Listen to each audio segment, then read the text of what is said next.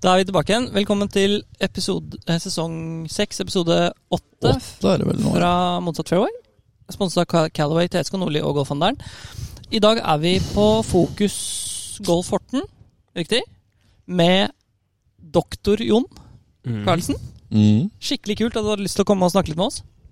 Det var vel mest kult at dere kom hit. Jeg var her allerede. Men veldig hyggelig at dere Tok en tur ned. Hvis, hvis, hvis dere hører litt sånn uh, smell i bakgrunnen, så er det fordi vi sitter inne i Trackman-området på eh, Fokus Horten eh, i, rett utafor Borre golfklubb.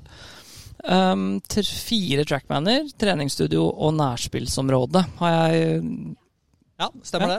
Vi, det er fire trackman, og så har vi bygd en sånn uh, leikestue, kaller vi det for. Putting nærspill, par hundre kvadrat. Et Der har, vi gym. vært, der har vi vært et par timer allerede, Ja. rett og slett. Vi kunne ikke skjønne hvorfor det ikke var noen her. Det, vi var der, det var ingen andre enn oss der. Liksom. Var det, var det rett og slett at dere begynte å toppe de kippene ditt? At folk evakuerte, eller var det Ja, det kan hende det var folk er der i starten. der, jeg. Altså. Ja. Det kan hende det var folk der i starten, og så ble det verre folk etter forsvant de etter hvert? Hadde et par som var litt høyt oppå Ja. veggen der. Jeg liker, jeg liker det der når man står på utsida og hører at noen gutta her da, som står og slår, hører sånn Hoi sann! Hører de liksom fra området der når vi topper den. Ja, um, Stian er ikke her. Nei. Han er uh, syk, så vi, eh, vi, vi, vi kan ikke avblåse det her. For du er relativt opptatt. Kan ikke du fortelle litt hva du driver med, og hvem du er, for de som ikke vet hvem du er?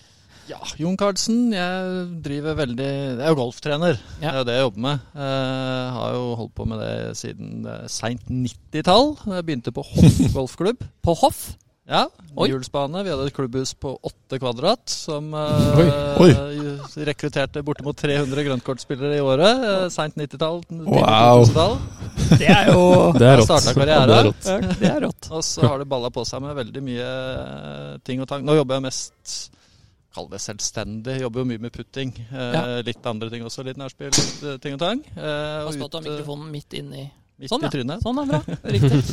Eh, og mye av det jeg gjør nå, er vel å coache en god del spillere ute på DP World Tour, som det Ja. heter nå. da. Vi prøver å venne oss til å si det, og ikke Europa. Det høres veldig rart Mm. Men, så, men du har doktorgrad i putting, bare sånn for å starte da. ja, eller golf, kanskje. ja. Ja. Ja. Ja, fordi vi har lest litt, Andres. Oi! Det, det er ikke mange som har gjort det. Nei. Og det, men det anbefaler jeg faktisk folk å gjøre. Hvis at jeg, vil, jeg lasta ned eh, doktorgradavhandlingen din, som jeg forstår er av fem forskjellige eh, oppgaver, kaller den, eller tekster, da, om vi skal gjøre det enkelt. Uh, artikler. Uh, og det var egentlig ganske interessant lesing. Uh, jo ha Veldig interessant. I hvert fall, Jeg syns teoridelen var veldig interessant. Det blir jo, Skal man gå litt i dybden i den uh, statistikken, så må man jo ha litt andre, annen bakgrunn da, kanskje enn det alle andre har. Men jeg var veldig interessert i den starten. eh, Den teoridelen hvor du snakker om liksom viktighetene av um, Om jeg husker, se om jeg husker riktig, må hjelpe meg, gutter. Stille Mm. dere helt. Um, I forhold til Grinlesning. Grinlesning, I forhold Mm. til hva man tror i forhold til vekt av skaff og puttere. Hva man ser i forhold til Spesielt kanskje i forhold til hvor mange putter som settes innenfor hvilke grenser og sånne type ting. Jeg synes den teoridelen er Mallet-putter kontra blade-putter, Ja, var det vel noe vi, Mm. Jeg gravde jo veldig mye forskjellig retta mot putting når jeg holdt på med det der. Det var jo begynner å bli noen år siden, det ja. Det var vel sånn 12-13 år siden jeg var ferdig. 2010, ja. Ja, det kan stemme det. Du har lest den. Nei, men jeg har, jeg har lest den. Du husker bedre enn meg. Eh, kanskje de tinga som kanskje var mest relevant for vanlige folk, da er jo litt det du var inne på. Det er Greenlesing er mye viktigere enn man tror. Mm. Og dere, alle dere tre som er her nå, er jo bra golfspillere. Uh, og det er veldig lett at man begynner å henge seg opp i teknikk og tenker at nå var det noe med stroke og Mm. putteren og alt mulig, men det er veldig mye Ja. større feil i greenlesing. Det var det vi satt og snakka om i stad. Jeg synes det var veldig interessant. for Du, du, du, du skriver en ting her, skal jeg se om jeg finner igjen det. Du skriver jo um, Konservativt estimat skriver du da. På variert analyse viser at greenlesing er på en måte over halvparten av altså, Hvor viktig det er, da. Står over 60% av variansen på lengde. Av lengdekontroll. lengdekontroll, ja. Ja, Og, det er jo helt vilt å tenke på når man tenker liksom Mm. Ja. Også hvor mange Mm. det er som klager. Så sier du at 6% av variansen kommer fra liksom, hvor god grinen er, Ja. og 34% på teknikk. Men det betyr at Og da snakket vi lengdekontroll, ikke Ja, ja. retning. Nei, nei, nei. Og Mm. for, for, jeg skal gå, gå tilbake til det etterpå, men når det kommer liksom opp på lengdekontroll, da, hvor mye tid vi bruker på driller, på, på teknikk, på stroke, på, på ballstart Uh, Jeg har rett og slett, etter å ha lest den introdelen, jeg har tenkt å bruke mye mer tid i sommer på greenlesing. Jeg bruker Mm. aimpoint Ja. uh, enn eh, jeg har gjort tidligere. Rett og slett bare fordi det Ja, Stoler på han som trener spillere på turen, da. Nei, det er jo og Mange tenker jo i hvert fall ok, greenlesning når du skal sette en tremeter. Mm. Det er på en måte Det er veldig viktig. eh, Mm. Og det er jo en del som tenker at det i hvert fall er ganske viktig. Men når Ja. du tenker lengdekontroll, så er det veldig mange som begynner å tenke teknikk og rytme og stroke og balltrykk. Hvor lang det skal andre. være. Ja. Det viktigste er rett og slett altså, Nå har dere stått og leika litt ute i hallen her. Det var mest tipping. Jeg så en og annen putt. Ja, ja. Hvis jeg setter opp på det øverste platået der og putter ned bakken første gangen, Ja. Så har jo ikke noe med teknikk å gjøre. Du må Nei. klare å finne ut hvor kjapt ruller det her. Og da kan Ja. det fort hende at det blåser den to meter forbi første gang. Og så andre gangen er det kjempelett. Da er det teknikk. Du har Ja. sett den. Mm. Ja. Ikke Ja, det er et kjempegodt poeng. Så, Sagt litt enkelt. Da. Så det er, det er mye viktigere enn man tror. Klare å se hvor fort kommer den ballen her til å rulle ned bakken, inn i vind. Det er litt dugg og medgress. Ja. Fordi det er jo en del faktorer som spiller inn når du står ute og putter. Når du har, ja, som du sier, dugg og vind og ja. En, en annen ting jeg synes var interessant, som du trekker frem der, det er i forhold til lengden på baksvingen. Mm. trekker du frem i oppgaven. Der er det jo litt motstridende meninger om hva som lønner seg. Jeg ser at no, jeg husker ikke navnet på dem, men den første forskningsartikkelen som du viser til, så sier man at uh, forholdstallet er, er mye høyere blant proffer, som betyr, hvis jeg forstår det riktig, at de har en kortere baksving i forhold til gjennomsving.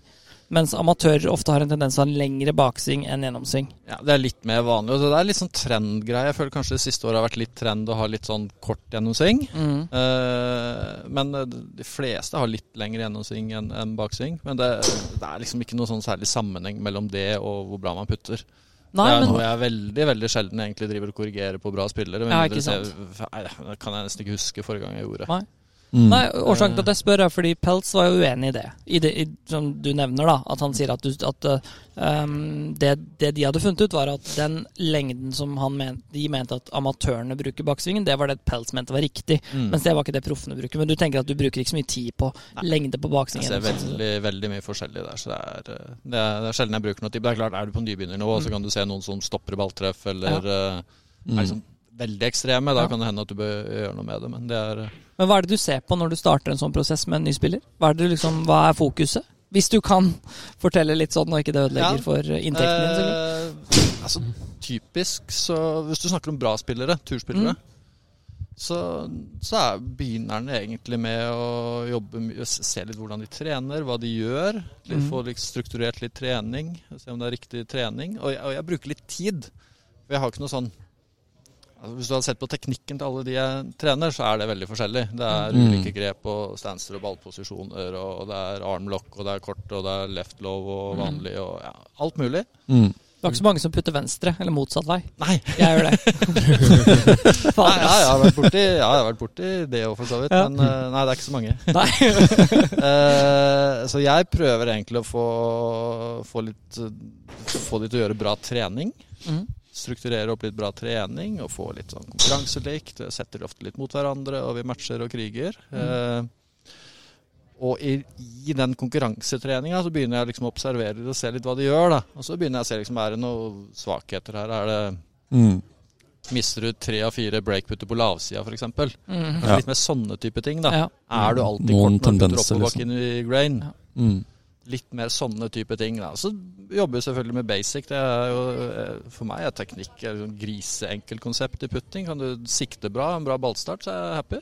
Ja. Så Sliter åssen det ser ut. Så mye er liksom med, med måten de jobber på, måten de f- liksom stiller seg til det, på en måte. Ja, mye skaper mye bra trening og mye konkurranser. Og vi veldig mye øvelser vi kjører. Vi har score på, vi matcher de mot hverandre. Vi har putteligaer ut på DP World Tour. Vi har liksom Ja. uh, Altså, vi Ja, det har vi sett. Ja, vi altså, følger- vi følger Ja, det kan man-. De som ikke følger Jon på Instagram, kan jo Ja, Ja, se Ja, jeg legger ut litt øvelser og litt, litt sånne Mm. ting og tang der. Mm. Um, så så kan det være noen øvelser vi kjører en dag, så kommer liksom stikker en eller annen innom på ettermiddagen der, som jeg kjører kanskje siste økta med. Da, så er, ja, nå har vi kjørt den øvelsen her. Vi har eh, to stykker 200-par og to stykker 400-par. Vær så god, nå skal vi slå han italieneren, han franskmannen, han svensken. Ja. Mm. Game on.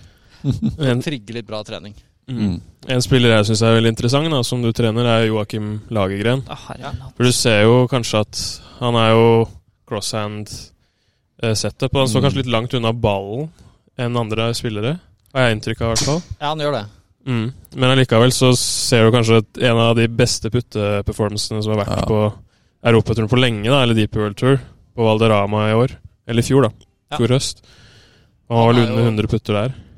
Ja, han, jeg tror han Ja, gaina 14,9 eller noe sånt. Jeg, Det er hinsides, for de Det er grinene er sinnssykt. Ja. Kan ikke du bare, for de som ikke vet det, fortelle hva akkurat det der du sa der betyr? Ja, strokes gain er jo et sånt mål på hvor bra man putter, og da Ja. måler du mot startfeltet. Og det, kan, det gjør du med alle, men nå snakker Ja. du spesifikt om putting. Nå snakker jeg om putting, du gjør det i alle slag. Mm. Eh, og sagt litt enkelt, da, hvis du tar en eh, en nimeters putt sånn cirka, så bruker Ja. man i snitt to putt. Ja. Så får man Mm. en og annen senk og en og annen treputt. Mm.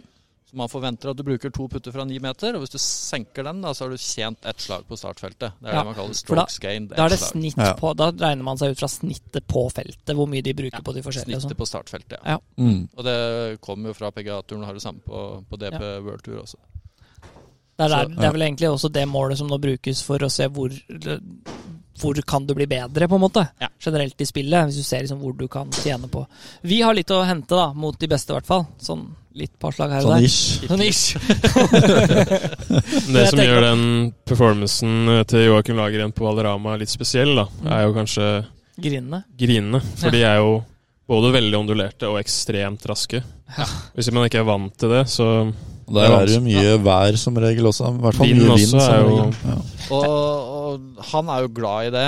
Han Ja. er jo en som ja, uh, Han er jo veldig bra på putte, og det han er veldig bra på, er jo lengdekontroll. Han er jo når det er vanskelig. Det er klart det er for så vidt lettere å tjene 14-15 slag på startfelt på Valderama enn på, på Kings Barnes på en vindstille dag, eller Carnusti hvor det er flatt, og 10 på Simpen. det er sant. Så der er på en måte mulighetene litt større, for det er noen som kommer til å falle helt igjennom, selv Ja. på, på høyt nivå. Mm. Men han liker jo sånt. Mm. Ja. Og så er det litt tilfeldigheter, selvfølgelig. Det er jo alltid putting. Men. Tenk å gå rundt på ondulerte griner, og så er griner ikke raske som på Fornebu. Når vi holdt på. Mhm. Altså, det er jo ikke Helt tullete. Husker du hvor kjapt det var der? masse der. Du, vi målte den til 18. Jeg har målt Fornebu til 18. På Stimpen. Nei, jeg tror ikke folk skjønner hvor raskt det var. Altså. Det var helt Men har var ikke målt. Augusta til det også? Sånn 17-18 eller noe? Nei, vet du hva. eh, Der er det mer at det er så himla ondulert. Mm. Så det er ikke Altså, Har du vært der? Jeg har vært der et par ganger. Uh, Offhand. Har vært der et par ganger, bare sånn. uh, men sånn 12-13 Men det er veldig Ja, okay. ondulert. Og så er det veldig små platåer som faktisk ballen ligger stille på. Da. Mm. Men det er jo sånn når det er så ondulert, så skal det ikke være veldig raskt på stimpen før det begynner å bli Nei. Og det som er litt morsomt med det, er at jo raskere griner du får, jo mer ondulerte blir de. Jeg spilte, Vi spilte Norgescupen på Kongsberg. Det er aldri en bane jeg har oppfatta som er veldig ondulert. Men når de spilte Det var raskt når vi spilte Norgescupen der i høst. Og da var det sånn du, Vi hadde sånn uh, på ett par Du har spilt den? Ja da. Hull åtte der. Mm. Så hadde jeg en, jeg hadde en 100 meter til flagget. da Så jeg så en sånn lav spinny wedge fra 100 meter som lander liksom to meter fra flagget, kikker frem og spinner av green. Ja. For da er det mot, motbakke, liksom. da Mm. Og så kom han etter meg, så samme slaget, landa to meter lang av flagget, av green bak. Ja. Og da er det liksom, for det, det, Når det blir så raskt, så blir det ofte veldig hardt, og så blir det ekstremt vanskelig fordi alle onduleringer blir synlige. da Ja, Det det er jo vel det. det som skjer på Augusta. det, blir jo, det er jo det som skjer litt. Mm. Uh, og Augusta er veldig mye mer ondulert, altså hele banen. Du kan Ja. jo nesten kjøre slalåm ned tieren. Eh, så det er mye mer man får inntrykk av. Mikkelsen har vært litt uh, fan av å snakke om det når han Ikke Mikkelsen, men eh, Bjørnstad Haugsrud er kanskje. Ja. Ja, det er vel sånn klassisk uttrykk, det. Ja. Uh, Det er så mye mer bratt enn det det ser ut!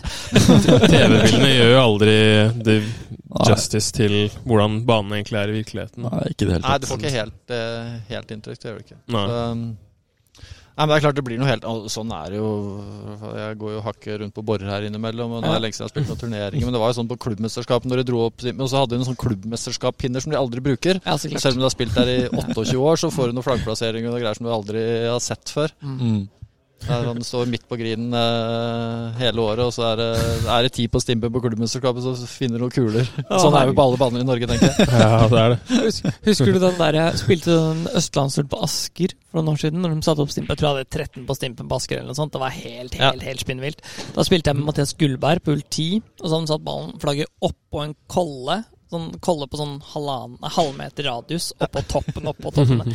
Så skulle han slå en putt opp der, da, og den var jo på vei fra baksida av green, og så opp på den kollen, og så er han på vei ned. Og da er han, jo, han er jo i bunkeren, ikke sant? Fordi Ja. det er jo så raskt. Og der lå det et blad, og så stoppa ballen på bladet.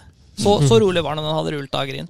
Ja. Så det er liksom, Vi har litt å lære av hvordan vi setter flaggplassering i Norge, men det har vi diskutert. Det er klart, det er det klubbmesterskap, så skal det jo tas. Det er jo tross alt eliten i klubben. De har jo trent nesten en uke for dette her. Ja, det er men jeg synes det er en kjempe Det er en sånn, eh, sånn flaggskip for oss, da. Bra greie for oss. At det er, jeg mener jo at hvis du hadde satt lette pinner i Norge, så hadde ikke scoren gått ned med syv slag per runde. på en måte. Vi er ikke noe bedre likevel. Hvis du sa proffa, så hadde det gjort det. Ja. Men selv på Norgescup så kunne du satt mm, flagga midt på flatt på hele veien, så hadde ikke scoren gått ned med mer enn sånn. to-tre slag, liksom. Nei. Problemet er ikke å treffe inntil flagget når du ikke treffer green, liksom. Mm. Det er utfordringa på Det er litt med det. Nei, nei, men det er jo like gøy noen ganger selvfølgelig å ha litt, Ja, ja, litt utfordringer og føle litt på det. Men det, hendene har vel eh, sklidd ut noen ganger også. Ja. Det er jo lenge siden jeg spilte mye turneringer, men eh, jeg har vært borti noen litt interessante ting rundt omkring i Norge. Og Trener du generelt eh, bare proffer nå, eller har du Altså vet jeg at du var med jentegruppa her nå, men tar du privattimer fra vanlige folk òg, på en måte? Eller? jeg gjør egentlig ikke det. Nå har jeg ganske mye å gjøre. Ja. Eh, der, altså jeg har Svenske Golfforbundet gjør litt, så, så, Mm. men nå er det ganske mye på Det høres så rart å si DP World Tour. Europaturen. Ja, ok. Vi holder oss til det. Se nå, Skurrer fortsatt. dette kommer til å gå viralt, og så Ja. bare Ja, det her heter DP! Ja, ja. Prøver å venne seg til det. Altså, jeg har noen uh, sånn juniorer, eller ja, noen norske spillere jeg trener litt. Mm. Og så er jeg litt klubb, klubbtrener her, da. For jeg har hun minstejenta som sitter der borte. Prøver å samle noen jenter. Fikk vi noen fra et par andre klubber her i dag. Men det er jo mer bare sånn uh, Ja. pappa, Pappahjelp. Mm. pappahjelp. Går 20 år, og så kommer noen og sier 'Skjønner du hvor smart faren din var når han liksom Ja. var 20-åringer?' Trente alle de beste i verden. Har det skjedd noe annet spennende i det siste? Vi så Hovland spilte bra Jeg vet ikke hva endte han i går på Pebble Beach? Veit vi det? Jeg så ikke ferdig, så det veit jeg ikke. Han lå på syvendeplass et øyeblikk der, i hvert fall.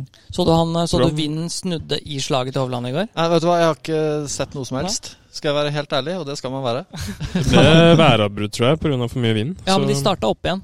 Det var mye vind, Ja, ja. det var helt vilt. Han sto på hull fem, det der første av de to part, det lange par Ja. på front. Og så skulle han slå ut, og så i svingen så blåste det opp, og da kom det liksom ti sekundmeter mer, da. Så jeg tror uh, Speeth på hull seks i nedoverbakken der slo en drive på 174 miles per hour ball speed, og den kæra 220. Nei, jeg syns kanskje Det er jeg så- sinnssykt. Speed slo et sjueren på sjueren ved patruljen der. Ja, ja, jeg tror Ja. det var det. Det Ja, var helt det var det eneste som poppa opp et eller Hva du annet sa for noe? Syveren på fjøren?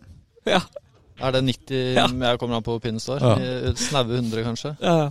Fant du, fant du ut noe om Hovland? Det var suspended. Helt, så han ja. spilte ti hull Ni hull spilte han. Han er Så han ligger 800. på sjetteplass. 800. Ja, Og Mitchell leder på 11. Ja, Malnati, tror jeg. Ja. Um, Det er litt kult å se også, da, for når du det, det, Vi har også diskutert litt det der at hvor mange, som du også nevner, da, hvor mange prosent setter man liksom innafor visse avstander. Eh, og så får vi jo Michael nevnte det i stad, at vi får jo ofte bare se de som setter putter. Vi får ikke se de som bommer putter ofte på TV. mm. Og det var sånn i går når det begynte å blåse opp, så begynte du å se han ene som double-crossa han i crosswind fra høyre. Altså Den er jo så langt venstre at Ja. det, det er jo ikke OB-grense på Pebble Beach. Men han var nesten OB likevel. Mm. Nei, det, er, altså, det med forventninger i putting er jo på alle nivåer uh, veldig veldig viktig greie. Det jobber jeg med hver dag, egentlig. Mm. Og Mm. altså- skru ned forventninger. Ja, for, realistiske forventninger, da. Ja. I prinsippet. Hvor er det, det største, størst, eh, tenker du, så klart nærmest som mulig, da, vil jeg tro. Men hvor nærme føler du liksom at folk forventer å sette kanskje amatører kontra proffer, hvis du skjønner?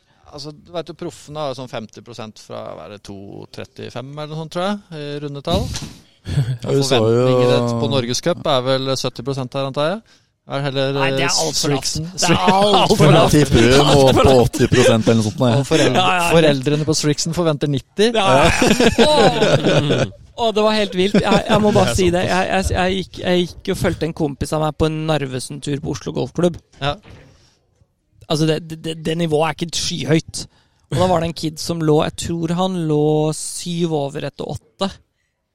Og så faren hans er litt sånn Ja, nei, han burde kanskje få opp nivået litt. Og så blir det sånn, Men kiden har tolv i handikap og spiller fra fra gul på Oslo, liksom, med vanskelige grinder. Hva er det du forventer, på en måte? Altså det, han hadde aldri gått under 80 i sitt liv, og hadde forventa at han skulle gå under 80 fra gul på Oslo, som han aldri hadde spilt før på de grindene. Jeg står der og bare åh! Ja, nei, men det, det ødelegger jo for mange. Vi- Det, så, men ærlig talt, står du på en hvilken som helst norsk turnering og spør alle som går av 18. grin Mm. Mm. er du fornøyd med puttinga da, ja eller nei, så får du over 90 nei. Mm. Og det har jo med forventninger å gjøre. Jeg, jeg føler puttinga er veldig lett å kalle skylde på når du har Ja, ja, gått en sånn middels dårlig eller dårlig runde. Ja. Har et par av de sånn, kommentarene i løpet av et år. sånn skulle jeg kunne jo fort ha sagt 6-7 til, Ja, ikke sant? Men uh, det, det, det fins jo liksom ikke. Nei. Det er eh, Jeg har hatt én sånn Nå skal jeg liksom gå eh, litt bann i kjerka, men jeg har hatt én sånn turnering. Det var siste turneringa før jeg bytta fra høyre til venstre. mm. Da var jeg helt sånn Nå orker jeg ikke mer, for da tror jeg jeg hadde sånn 31 grintreff på to runder og hadde 11 treputter.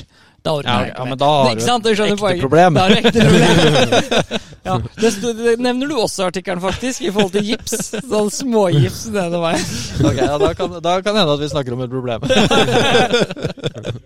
Har du møtt på noen eh, ikke, ikke, Jeg mener så klart ikke for å prøve å lære noe sjøl, men har du møtt på noen, liksom, noen løsning på noe sånt? Så generelt sånn, For det er jo mange som sliter med det. Ja, det, Jeg òg, for så vidt. det er mange flere på høyt nivå som sliter eh, med Altså, det er jo grader av ting, da. Ja, så klart. Men uh, Se Will Salatoris. Han får det til å funke til en viss grad, men Ja. stroke hans fra kort avstand er er ikke jo smooth. Nei. Nei, Det er ikke Det er ikke sånn du tenker at det er ikke eh, tekstbok.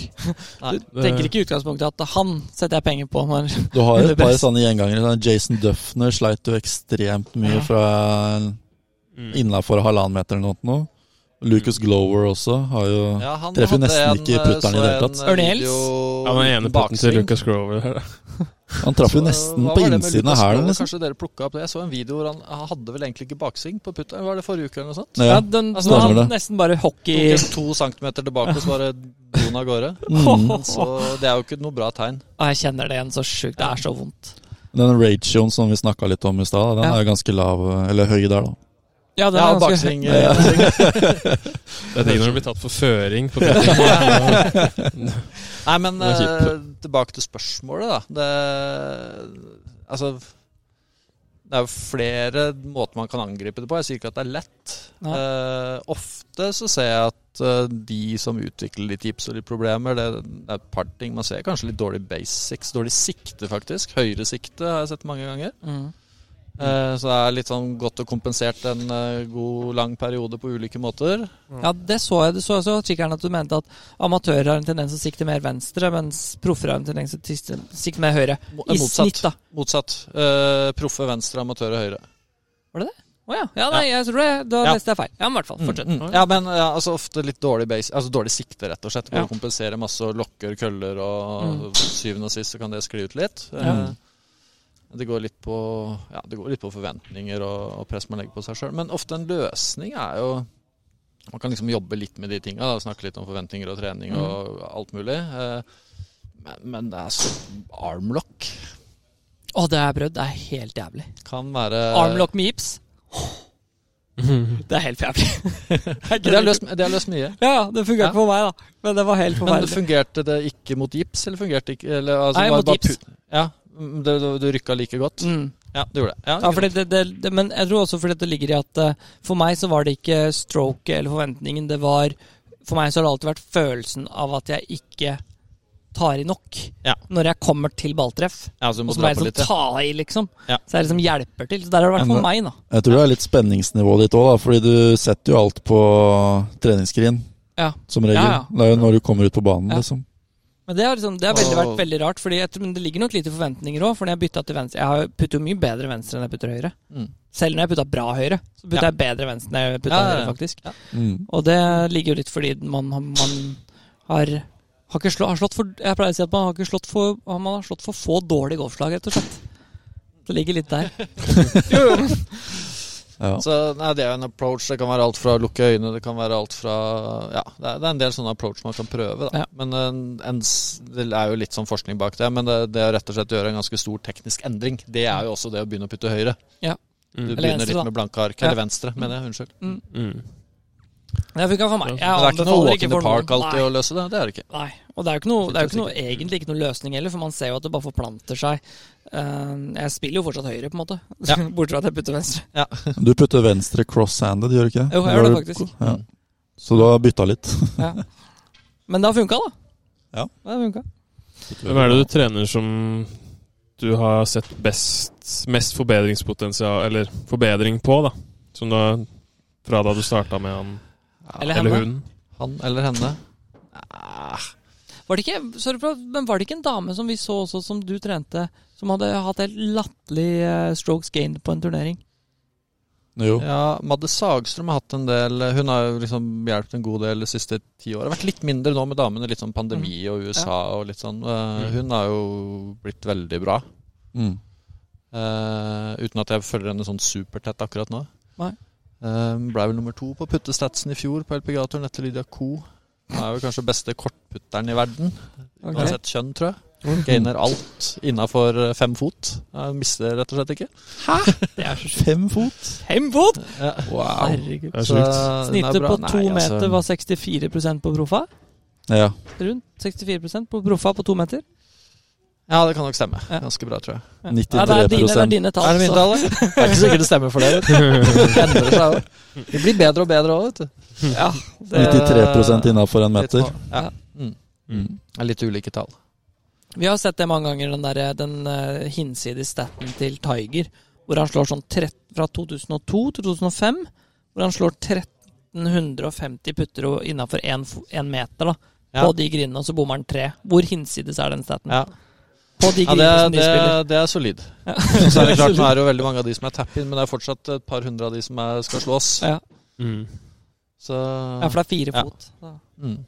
ja, Tiger har jo Luke Donald har jo mye bra Ja. opp gjennom åra. Ja, var det sånn 500-600 hull uten treputt på rad?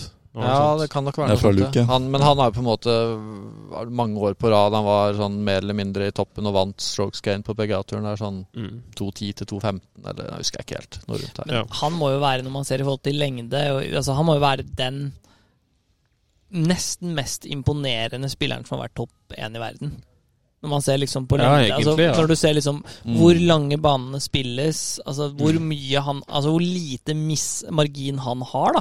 Mm. I forhold til sånn som si DJ, som Du så hvordan uh, Bryson DeChambeau dro fra hverandre winged foot i US Open bare fordi han slo så jævla langt. Mm. ja. Det er jo en fordel som Luke kan ikke stille seg opp med en femmerwood fra, fra tjukkrøffen og tro at han skal måtte legge den inntil en flagget står bak en bunker. Nei, nei, han var Mye jo mindre. Han var jo en vanvittig bra på putting og nærspill. Også og veldig bra. Og, ja. Bunker var Når han det var best verdens verden. ener, så var han jo Slo i rett. Så han begynte, begynte å finne, finne litt form igjen òg. Jeg har sett det, han i toppen av leaderboardet på Han var jo, jeg var jo nede i Midtøsten her nå. Han leda vel Var det i Abu Dhabi på minus åtte første Ja, dagen? på Jazz var det ikke det? Jazz, ja. Ja. Jeg Lurer på om det var minus 80, faktisk. Så gikk det vel litt nedover etter Mm. hvert. Husker ikke hvor han landa. Så var, eh, Jeg fikk faktisk snakka litt med en her, var i Dubai nå forrige uke. Jeg bare greip sjansen å høre og snakke Mm. med en, og Jeg har alltid hatt lyst til å spørre en hvorfor han blir så bra til å putte. Ja. Mm. Da tok jeg rett og slett tak i den. Jeg ble stående og snakke med han og en annen der. Så jeg, nå, nå, hør nå her. Tror han syns bare det er hyggelig. jeg tror kanskje at hvis vi hadde prøvd det samme, så hadde det vært noen andre som sa 'hør nå her'. Så nei, jeg, jeg, jeg, sa ikke det. Han er en veldig trivelig Ja. kar. Jeg ble stående med han og en annen spiller der. Eller de snakka med hverandre, og så Fikk så du noe svar, da? Veldig mye konkurranselik trening. Ja. Mm. Veldig mye sånn tøffe Vi sier klare av i Sverige. Det kan man nesten si i Norge òg. Kan man det? Øvelser som skal klares før du får lov å gå hjem. Oh, ja. Så- Veldig mye av det, og gjerne tøft.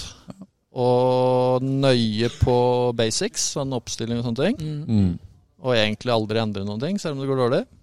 ja, for det er en kjempestor greie, tror jeg.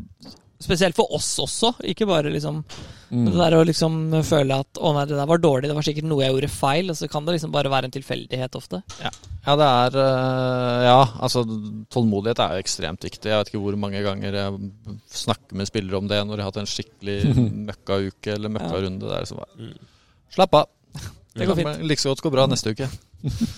Og så er det klart, går det over tid, så må vi begynne å vurdere det. Men det skal gjerne la det gå mye lengre tid enn det man tror, før man Ja. begynner å endre på ting.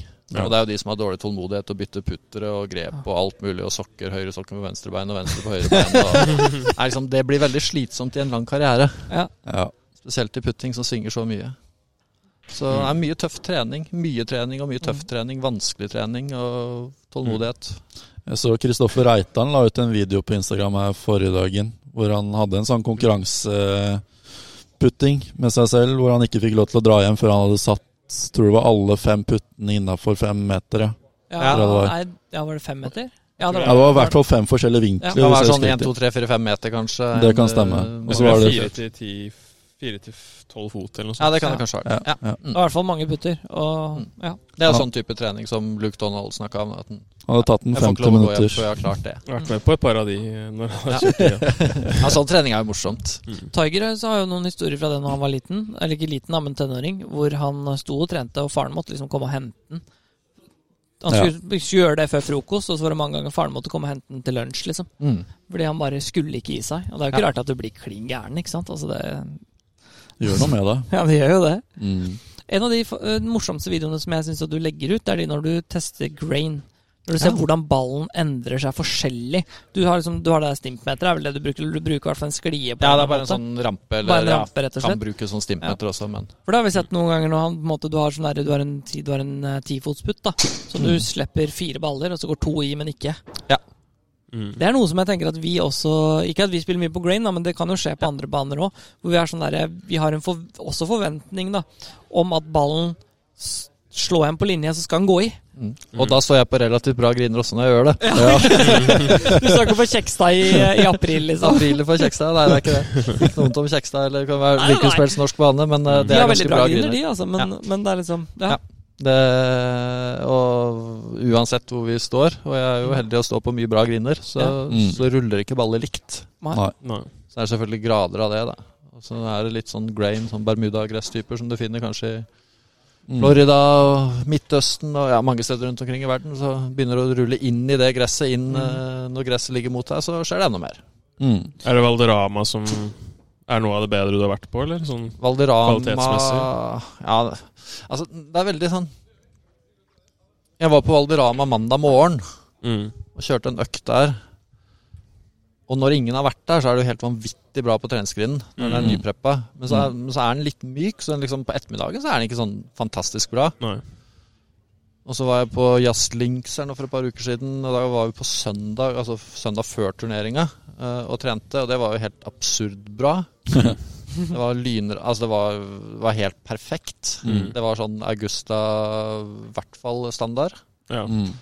Men eh, altså, alle griner blir jo slitt. De skal være veldig harde for å holde i løpet av en dag. Den uh, Jazzlings holdt ganske bra. En sånn der paspalum-gress. Uh, Valderama var litt mykere, men når den er nyklipt og nyvalsa på morgenen, så er det jo helt magisk.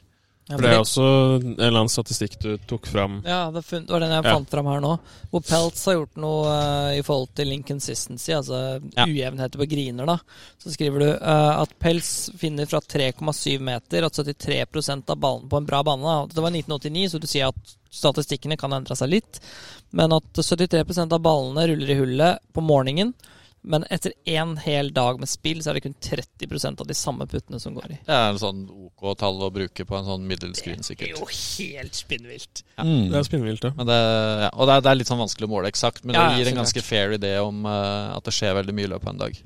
Det er veldig morsomt det at mm. vi, vi har på en måte ingen Vi har ikke noe pro-time nå. Du sitter bare og har, har en hyggelig samtale med oss, uh, og så forteller du litt. Men, men det er bare én ting som går igjen hele veien, og det er forventninger.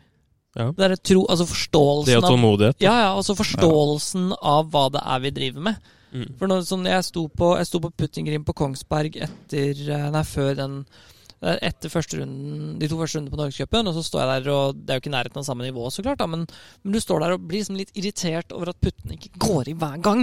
Og så er det liksom en sånn tremeter, og klokka er liksom Det har vært 36 hull med 70 spillere som har spilt. Mm. Og så står du der og får en dårlig følelse fordi du egentlig bare står og striper puttene, men den går ikke i. Hva er det du gjør feil? Ikke sant? Og det er liksom, jeg tror det kan, for meg i hvert fall, ser jeg tilbake nå at det ødelegger, har, øde- har nok ødelagt mye for meg generelt. da. Ja, Det å forstå det der er kjempeviktig. Jeg bruker noen ganger han, han uh, Mr. Lagergren som ble nevnt her tidligere, er Mm. kanskje den beste jeg vet på akkurat de tingene der. Han er ikke Mm. nødvendigvis noe sånn magisk på det tekniske eller en del andre ting, men han er ekstremt dyktig. Jeg brukte et eksempel, et par eksempler med han. Eh, Ett var Oman 2019, kanskje, eller noe sånt nå. Eh, vindavbrudd, vind- og sandstorm i Oman. Oi. Ganske sånn forblåst sted uten Takk. spesielt mye publikum og andre som er interessert. Ja. Så det er 156 caddier og 156 spillere inne i klubbhuset, og jeg er der og noen få andre som gadd å dra dit. Mm. Uh, sitter og venter på at det skal roe seg. Den første da som reiser seg opp og sier Du Jon, nå stikker vi ut og putter. Det er Joakim Lagren. Ja. Det er ikke sånn veldig bra vær ute, men det er sånn du, du ser noen meter. Ja. Da, du bare 'jeg vil ha kaffe'. Og så tenker vi ja ja, for jeg må jo bare bli med. Jeg kan jo ikke hindre trening. Nei, nei. Det sånn dårlig coachjobb. uh, går ut så kjører du sånne øvelser med score. Ja. Da jeg husker det veldig godt. Det er en sånn kortputteøvelse. Ja, 30 kortputter i litt ulike lengder. Sånn typisk at man senker 24. Ja. Eller 22. Hva er kortputt når du sier kortputt? Altså sånn 4 til 10 fot. Ja. 4 til 12 var det, tror jeg. Mm. Bare til, til bare 24 Så si sånn 20, 20 til 24 av 30 skal normalt sett senkes. Vi kjører den øvelsen. Uh, ja, tar 20-25 minutter kanskje. Senker 8. Oi. Ja, han er superhappy. Ja, det her var veldig bra trening på krig. På Skal krig, jeg. Altså Skal jeg ut og spille i vanvittig vind og sand og skitt, så er jeg bedre forberedt. Ja. Altså Ja. det, var, det var så vanskelig å senke en meters putt at du aner ikke. Mens i verden senker 8 av 30 kortputter. Jeg var helt superhappy. Og du står der og bare jeg, jeg, jeg skjønner at dette er vanskelig. Jeg var veldig happy med Mm. hva jeg gjorde. Jeg senkte 8 av 30 korte putter. Mm. Wow. Ja, det er Uh... Mens andre har den approachen at jeg kan jo ikke gå ut og trene nå, for da ødelegger jeg sjøltilliten min. ja. Nei, ikke sant. Det er litt sånn, det er den motsatte approachen. Sånn, han er sånn Dette her er noe av det vanskeligste jeg har sett. Dette skal jeg prøve meg på. Mm. Mm. Og det er jo litt sånn Kan du gå ut på Valderama på 13,5 på Stimpen i øh, bakkene der og, og leke? 12 sekunder etter vind og Ja. Så, øh, så det er liksom der forventninger å skjønne at det her er vanskelig. Det blir, det blir ikke bra. mm. Mm. blir paff jeg når jeg hører sånn. At folk liksom bare er sånn. At de bare Da er du tilpasningsdyktig, da. Når Ja. du klarer å ja, ha den innstillinga der, liksom. Ja, At åtte det er sånn- er bra i dag, det. Bare gjør ting så vanskelig som mulig. Mm. Ja. Vi har noen sånne morsomme øvelser. øh, Kaller det sånn lagergrenøvelse. Det er, sånn, det er en veldig enkel øvelse. Vi tar den ofte på slutten av treninga. Der skal skal toputte en litt vanskelig butt. Så skal du senke en sånn øh, 2,5 meter. Mm. Du klarer fire ting på rad. Altså En sånn kort meterslutt gjennom pelsstuter med de kulene. Ja. Og så kan du gjøre en up and down. Og Da står vi på putting green. mm. Og det er sånn Ja, du kan kippe litt på Det er litt sånn gråsone på hva som er lov og ikke lov. Men da kan du gjerne ta litt sånn tight leie mot tournament director som står i grinen der. Eller noe mange som bare prøver å gjøre det liksom over noe reklameskilt. vi kan se hva vi kan finne for noe. liksom Litt uoppvarma kjipp. Det er, sånn, øh, det er liksom sånn type trening. da Ja. det er, sånn, det er litt den der approachen der, da. Bring it on. Ja. Mm. Hva var det Tiger sa? Han sa at uh, han pleide å trene flopper i stua hjemme rundt pokalene sine. Nei, rundt Ja, det disse vasene og sånt Ja. Og til Han vet mora. han ble Ja. whoppa av Ja. mora si hvis han ikke Sett den mot Thomas Bjørn hvis han er litt sånn småarg. Nå er- begynner han å bli veldig snill, da, med Thomas Bjørn for ti år siden Satt liksom og toppa en chip inn i hælscenen hans på puttingen. Da hadde det smelt.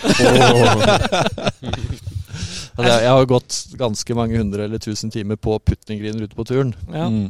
Og jeg, gud veit mange linjer jeg har trampa i. Det er jo et evig kaos der ute. Ja, Men det er én som har klikka, det er Thomas Bjørn. Liksom.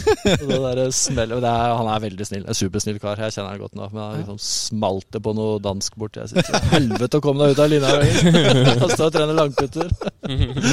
En gang Alle går og tr tråkker i linjen til hverandre der ute, så han prøver å ha litt høyere i nakken og ryggen, men Ja. kommer en sånn 20 meter inn fra høyre, så er det kaldt du får med han borti kroken der skal slå en putt, liksom. Se, se, som Ropert, ser du ikke meg, eller? jeg vet ikke om du har sett, hørt noe på podkasten før, jeg, men uh, vi har jo en sånn uh, gående greie som vi kaller elgetråkk. Vet du hva, Jeg måtte jo høre én episode, for jeg, jeg hører jo ikke på noe som helst. Nei, jeg ser nei, ikke på TV eller noen ting. Men så vi, vi har jo en sånn løpende greie med at alle nye gjester må komme med en elgtråkkhistorie. Jeg vet ikke om du har fått med deg hva det er? Ja, Det var vel et eller annet golfgreier som ikke har gått helt bra. Ja, Det må Mm. ikke være golf, da. Sånn som vi har hatt reiser som Sisi har hatt et par stykker på fly. Espen i India, for eksempel. Espen har holdt på å bli nikka ned av en fyr på uh, challenge-turen. Altså, Vi har mange historier. Så er litt sånn der som gikk ikke helt den veien som du så for deg at det skulle. da Jeg vet ikke om du har noen sånne som faller inn, som ikke ender opp med liksom Bjørn blir sur på oss, eller noe sånt. Nei, altså Det er sikkert mange av de. Tatt egen golf, så kunne jeg skrevet en hel bok. Det er også lov, det er også lov, men det er jo mer interessant hvis du har noe Nei, jeg hadde en Den var ikke sånn superfestlig. Det var Det kan være festlig for eh, oss, da. Ja, det var jo festlig. Jeg har litt sjølironi da, men eh, der og da Jeg var på en LPGA-tur i Jeg tror det var i Phoenix. Det er egentlig ikke så veldig viktig. Og vi har jo alltid sånne der, eh, gjerde rundt grinene, da. Mm. Det er jo så står det sånne vakter, og du har credentials og alt mulig, Mm. sånn at ikke alle går inn. Og noen ganger så er det litt sånn irriterende, fordi åpningen i gjerdet er liksom ikke helt der du skal. Nei, Så er så du må liksom gå tilbake. Ja, ikke sant. Du går rundt da, skal kanskje inn og ha deg noe mat eller hente et eller annet, eller sånn, så da hopper du over gjerdet. Jeg liker det her. Men det er jo ganske mye folk der, og jeg tenker ja, ja, jeg skal bare Jeg husker Ja. ikke hva jeg skulle, kanskje inn ha noe lunsj eller noe sånt. Drar over, og så river jeg med meg 20 meter med gjerde liggende på bakken der, liksom. Bare river jo med meg hele rekka. Og det er så deilig de Det øyeblikkene. sånn der eh, Nei, du lurer ikke på hvem som gjorde det. Nei, nei, nei. Alle bare snur seg. Hva faen skjedde nå, liksom? Oh. Den er eh, Ja, den, den husker jeg godt. Jeg lo jo godt da. Det var mange andre som gjorde det for så vidt. Ja, den er Altså, nei, jeg hadde en liten sånn, eh, sånn jobbhistorie til ja, En liten Ja, da, men den var jo litt uh, Det er uh, dameeuropaturen på Vasatorp. Altså, jeg, jeg bruker Vi pleier å tulle litt med det, men jeg bruker jo beina veldig mye. Har liksom flat såle på skoa. Slår veldig mye putte med beina bare for å sjekke linjer, og Ja. hender vi tar noen puttematcher med det. Ja. Det er sånn, føler jeg er relativt bra trent på det. Å, dette er, dette er ikke Og bra. så, for da kan du gjerne ta litt sånn fart, litt club speed, eller foot speed, og så bare bruke sålen, og så slå Ja. en sånn myk, fin putt. Nei, nei, nei. nei. Men så var det en øh, Vi sto på en øvelse, så var det en eller annen spiller da, som Du er jo alltid litt sånn gentleman og liksom plukker kanskje en ball opp av hullet, gir tilbake, og så kommer inn, etter litt sånn ordner og stiller litt. Og en av de andre damespillerne da som slo en putt liksom inn i øvelsen vår, da. Det er helt fine, liksom. Skulle jeg egentlig bare ta en litt sånn nice en med sålen bort til henne. Så drar jeg på litt foot speed, og så topper igjen litt grann med tåa. Den går jo liksom langt av grin og ut og nedover veien. Var sånn der, det skulle være litt hyggelig, å spare. sparker egentlig den ballen 40 meter bort. Det var så egentlig sånn der, kunne jeg egentlig ha vist av fingeren, det hadde vært sånn cirka like, like pent. Og hun sa det bare Hva gjorde jeg Det var sånn der, og så tenkte jeg liksom, jeg skal ikke slå putter inn i øvelsen vår. Nei. Og Den er jo så svær, den puttingen på Atador på. Ja, ja. Den er jo gigantisk. Ja, ja, dro den liksom ned Ja. på asfalten. Da. Å, nei, nei, nei. nei, nei. Var nede på ranchen Kom omtrent. deg vekk fra. Noen sånne små Nei, vi begynner ikke med egen golf, for det har, da må vi ha egen sending, tror jeg. Ja, men det er greit. Vi kan komme tilbake. Hvordan, hvordan er du, Vi har diskutert også det litt, hørt litt i meningen. Hva tenker du om aimpoint? Sånn i forhold til av det andre du har sett? Er det veldig individuelt? Ser du noen fordel med det? Altså, det er som veldig mye annet. Det er uh, interessant hvis det er bra for den spilleren uh, Ja. du står og jobber med. Mm. Og ja, vi jobba mye med det med Espen, f.eks., og det Ja. funker Han virker å være relativt ok fornøyd med aimpoint, altså. Ja. Ja. Og så er det spillere definitivt aldri ville ha vurdert og diskutert engang. Uh, Kommer det fordi de, de allerede leser grindene så bra at du har ikke lyst til å ødelegge for det? Så er det litt det er litt med hva man liker å holde på med, og hvor Ja. konkret man vil være. Ta en sånn Joakim Lagergren. Han står bare over ballen og tripper og kjenner litt og føler at nå, dette går bra. Nå går den i. Mm. Står liksom og tripper og kikker opp en sånn 7-8-9-11 ganger. Tenker denne har vi. Mm. Og han blir jo helt ko-ko hvis jeg skulle f.eks. legge si noe merke halvveis du skal slå han over. Han øvelse så hvor det ligger en siktepinne Ja. bak eller noe sånt. Han hadde jo slått meg ned med en gang. Han skulle bare ha det clean.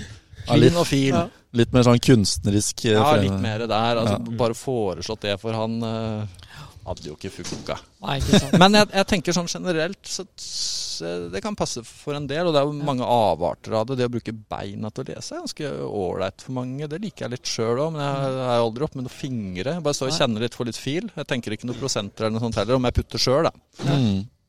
Eh, så det kan være en del positive ting i det.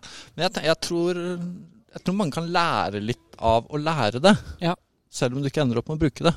Ja, Men fordi jeg begynner å forstå litt mer om hvordan ting og tang henger sammen. Og er det oppoverbakke, så er det mindre break, og nedover er det mer. og ja, ja, Litt en av sånne de- litt, altså, basics og basics. Du får litt mer kontroll på basics, skal det det. da. Mm. En av de tingene som jeg har lært mest av, for jeg har brukt aimpoint nå i snart to år, Mm. um, og jeg har ikke trent nok, da. Fordi man, når man har full jobb, så får man ikke trent så mye. Men en av de tingene som jeg har lært mest, er den der at når du er innafor For den regelen i aimpointen sier at hvis du er innafor seks fot, og du har mer eh, 1% break eller mindre, så skal du aldri sikte utafor hullet. er jo på en måte en sånn idétanke. Ja, det kan jo stemme. Sånn noenlunde bra tommelfingerregel. ja. Tommelfingerregel. Mens det er en sånn ting som jeg Som har bare revolusjonert min måte å putte på. Mm. Det der at det, fordi Jeg hadde veldig mye der at ballen skal breake. Hvis det er noe break, så skal den breake i hullet. Men her er breaken i hullet. Ja. Så hvis du sikter på utsida da, så vil jo ballen aldri gå i. ikke sant? Mm. Det er, det har jeg spart mye penger Mye, mye putte på og slag på det. Det er Ja. helt, helt insane. Altså, jeg tror det er en god del å lære av å lære det, men, uh, det betyr ikke nødvendigvis at du skal ende opp med fingre i lufta. Nei, det Men, men det kan du også gjøre. Så klart. Ja. Så klart. Mm. Eh, jeg vet ikke, Er det noen andre ting som dere har tenkt på? Jeg vet at du snakka litt i forhold til det med trippinga. Altså det, når vi leser? Den der med å ikke stå stille. Ikke du? Jo, litt den derre flowen i hele rutinen din, da. Mm. Og noen som fryser veldig til når de står over der. Andre som prøver å holde seg litt i bevegelse, enten å se på hullet flere ganger eller Ja. endre litt på grep eller et eller annet. da. Mm. Har du noen tanker rundt det? Hva som Eller er det også veldig individuelt, som veldig mye annet? Ja. Eh, det er noen som på en måte, som du sier, som står helt stille og drar i gang litt sånn mekanisk med Mm. skuldrene og tuk som en liten maskin. Det, det kan funke bra, det. Det kan Mm. funke kjempebra. Mm. Og så har sånn Joakim Lageren som står og tripper og kikker og hopper rundt akkurat så lenge han føler for det, helt til det føles bra og slår. Og det kan også funke bra. Mm. Så det er, det er ofte ikke noe sånn Jeg tror ikke man skal male seg inn i noen sånn veldig tighte bokser og hva som må gjøres og ikke må gjøres i ja, putting, golf generelt. Da. Ja. Men jeg tror det er viktig at man kanskje har den approachen at man Sånn som jeg gjør, da. Testespillere, mye konkurranse, mye øvelser. Mye, vi har veldig bra kontroll på hva de kan og ikke kan. da. Mm. Og så kan vi kanskje se at ok, her er det noe som ikke funker, så må vi lure på hvorfor. Og kanskje svaret er å trene dobbelt så mye. Og noen ganger er kanskje svaret på å gjøre noe annerledes. Mm. Ikke sant. Men jeg tror vi skal, generelt i golf tror jeg folk skal være åpne for at det er ganske mye forskjellige metoder som kan funke. Mm. Og så er det noen trenere som liksom er låst i én sving og én metode, og en er aimpoint-trener og et eller annet. Det er liksom ikke helt min stil. Nei. Mm. Nei. Jeg liker mer å prøve å finne Har alle verktøy i boksen og prøve å, prøve å finne ut hva som kan funke for ja, hver og en, da. Kall det det. Jeg må bare si at jeg datt litt ut, for nå sitter vi her helt stille og snakker sammen, og så står det en fyr i bakkant her og banker 1,80 miles per hour i ballspeed. Bare som om det liksom bare ja, Voksent. Lett, liksom. Den er, satt på, den er satt på noe speed, er den ikke det, den maskinen der? Han har Boost.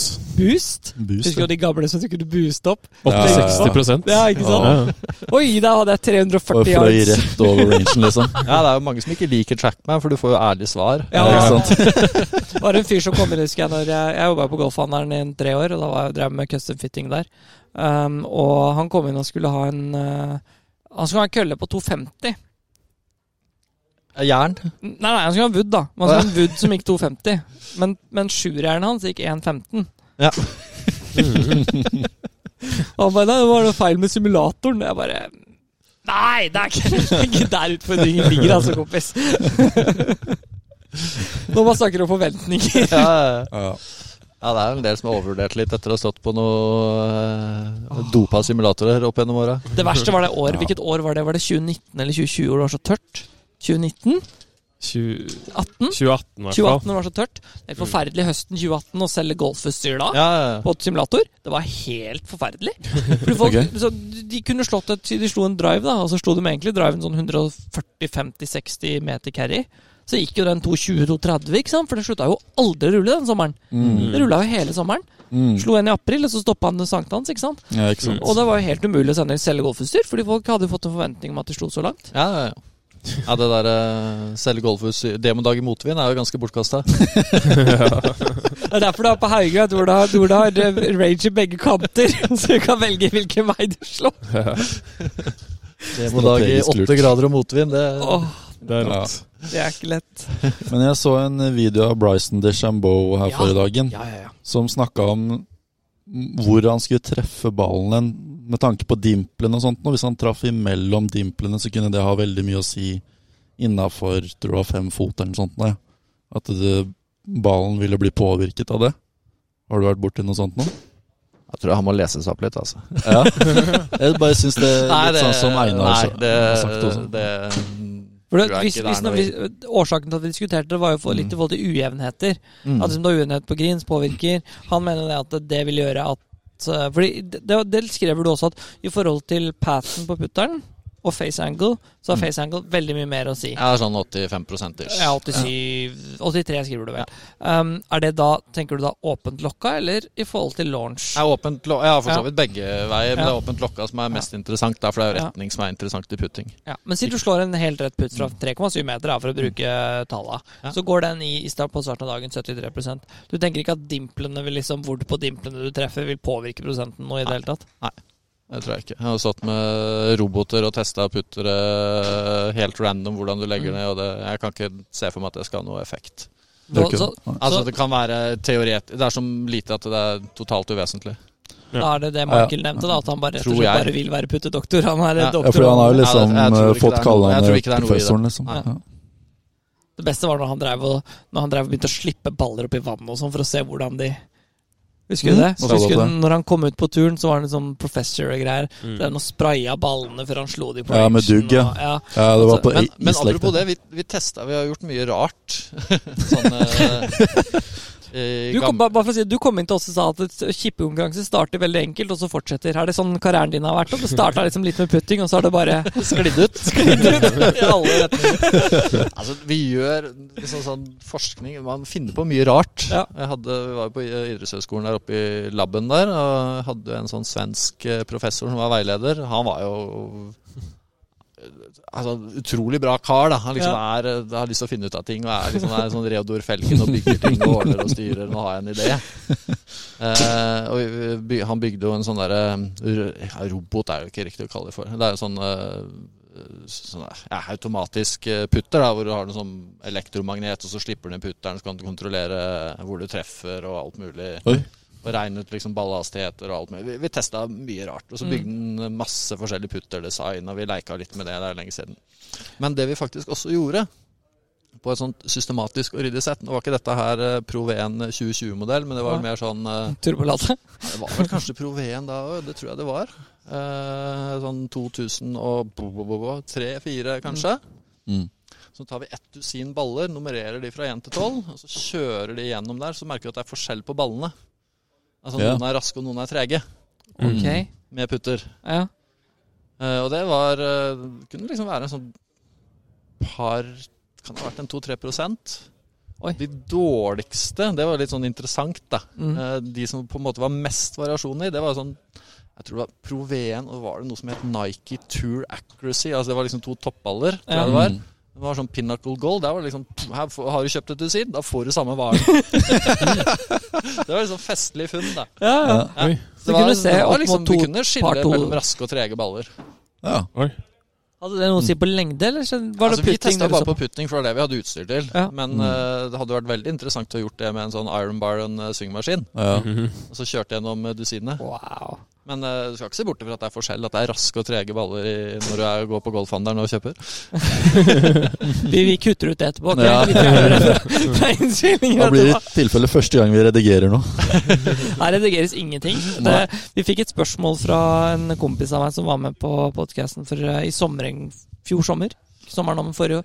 Og bare 'Jeg må fjerne noe.' Jeg bare Nei, sorry, altså. Vi gjør ikke det. Gjør Det er ikke vår stil. Det er ikke vår stil. Det er så mye ekstraarbeid.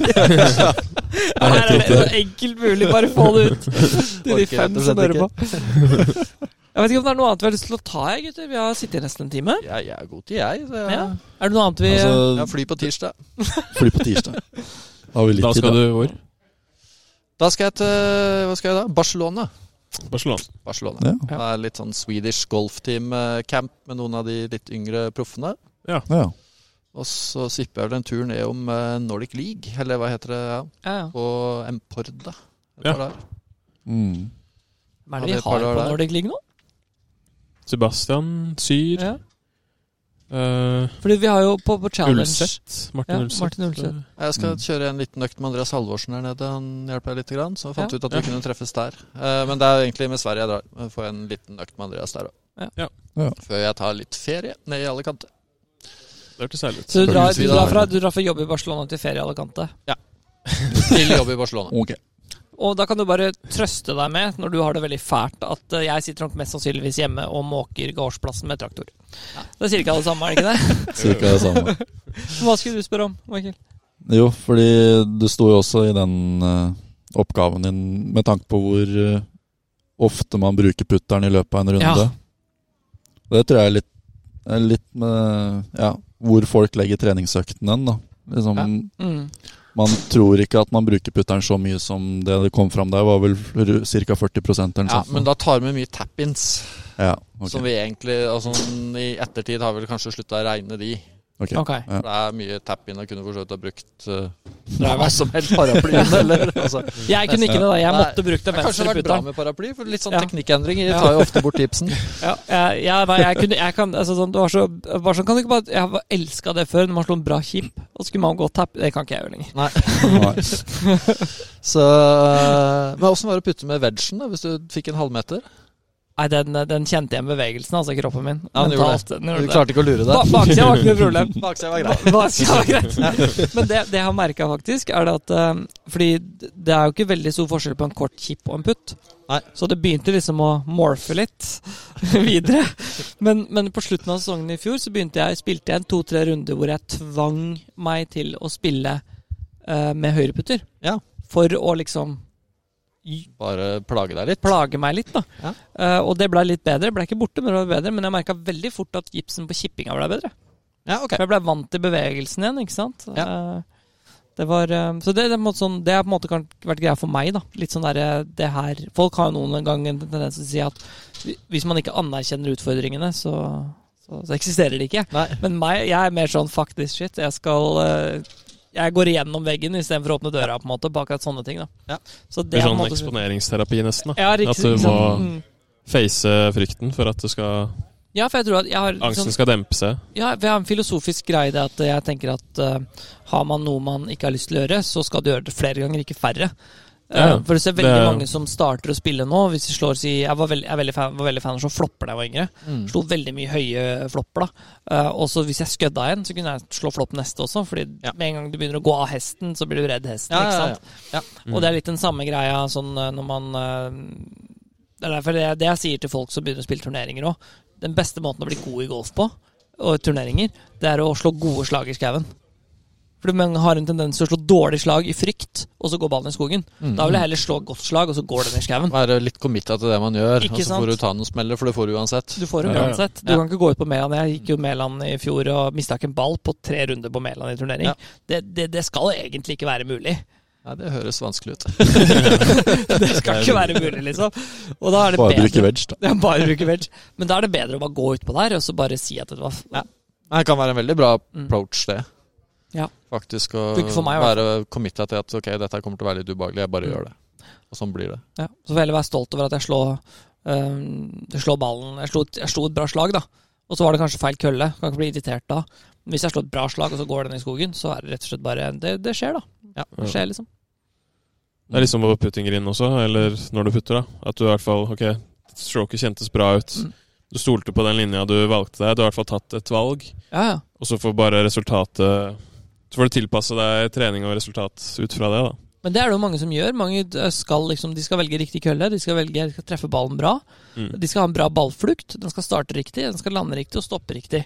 Da er det bra slag. Og så skal det hete Tiger Woods. Ja, ikke sant? Så, Mens, Ja. mens det er jo så mange ganger Jeg husker jeg spilte på øh, Hva den heter, da?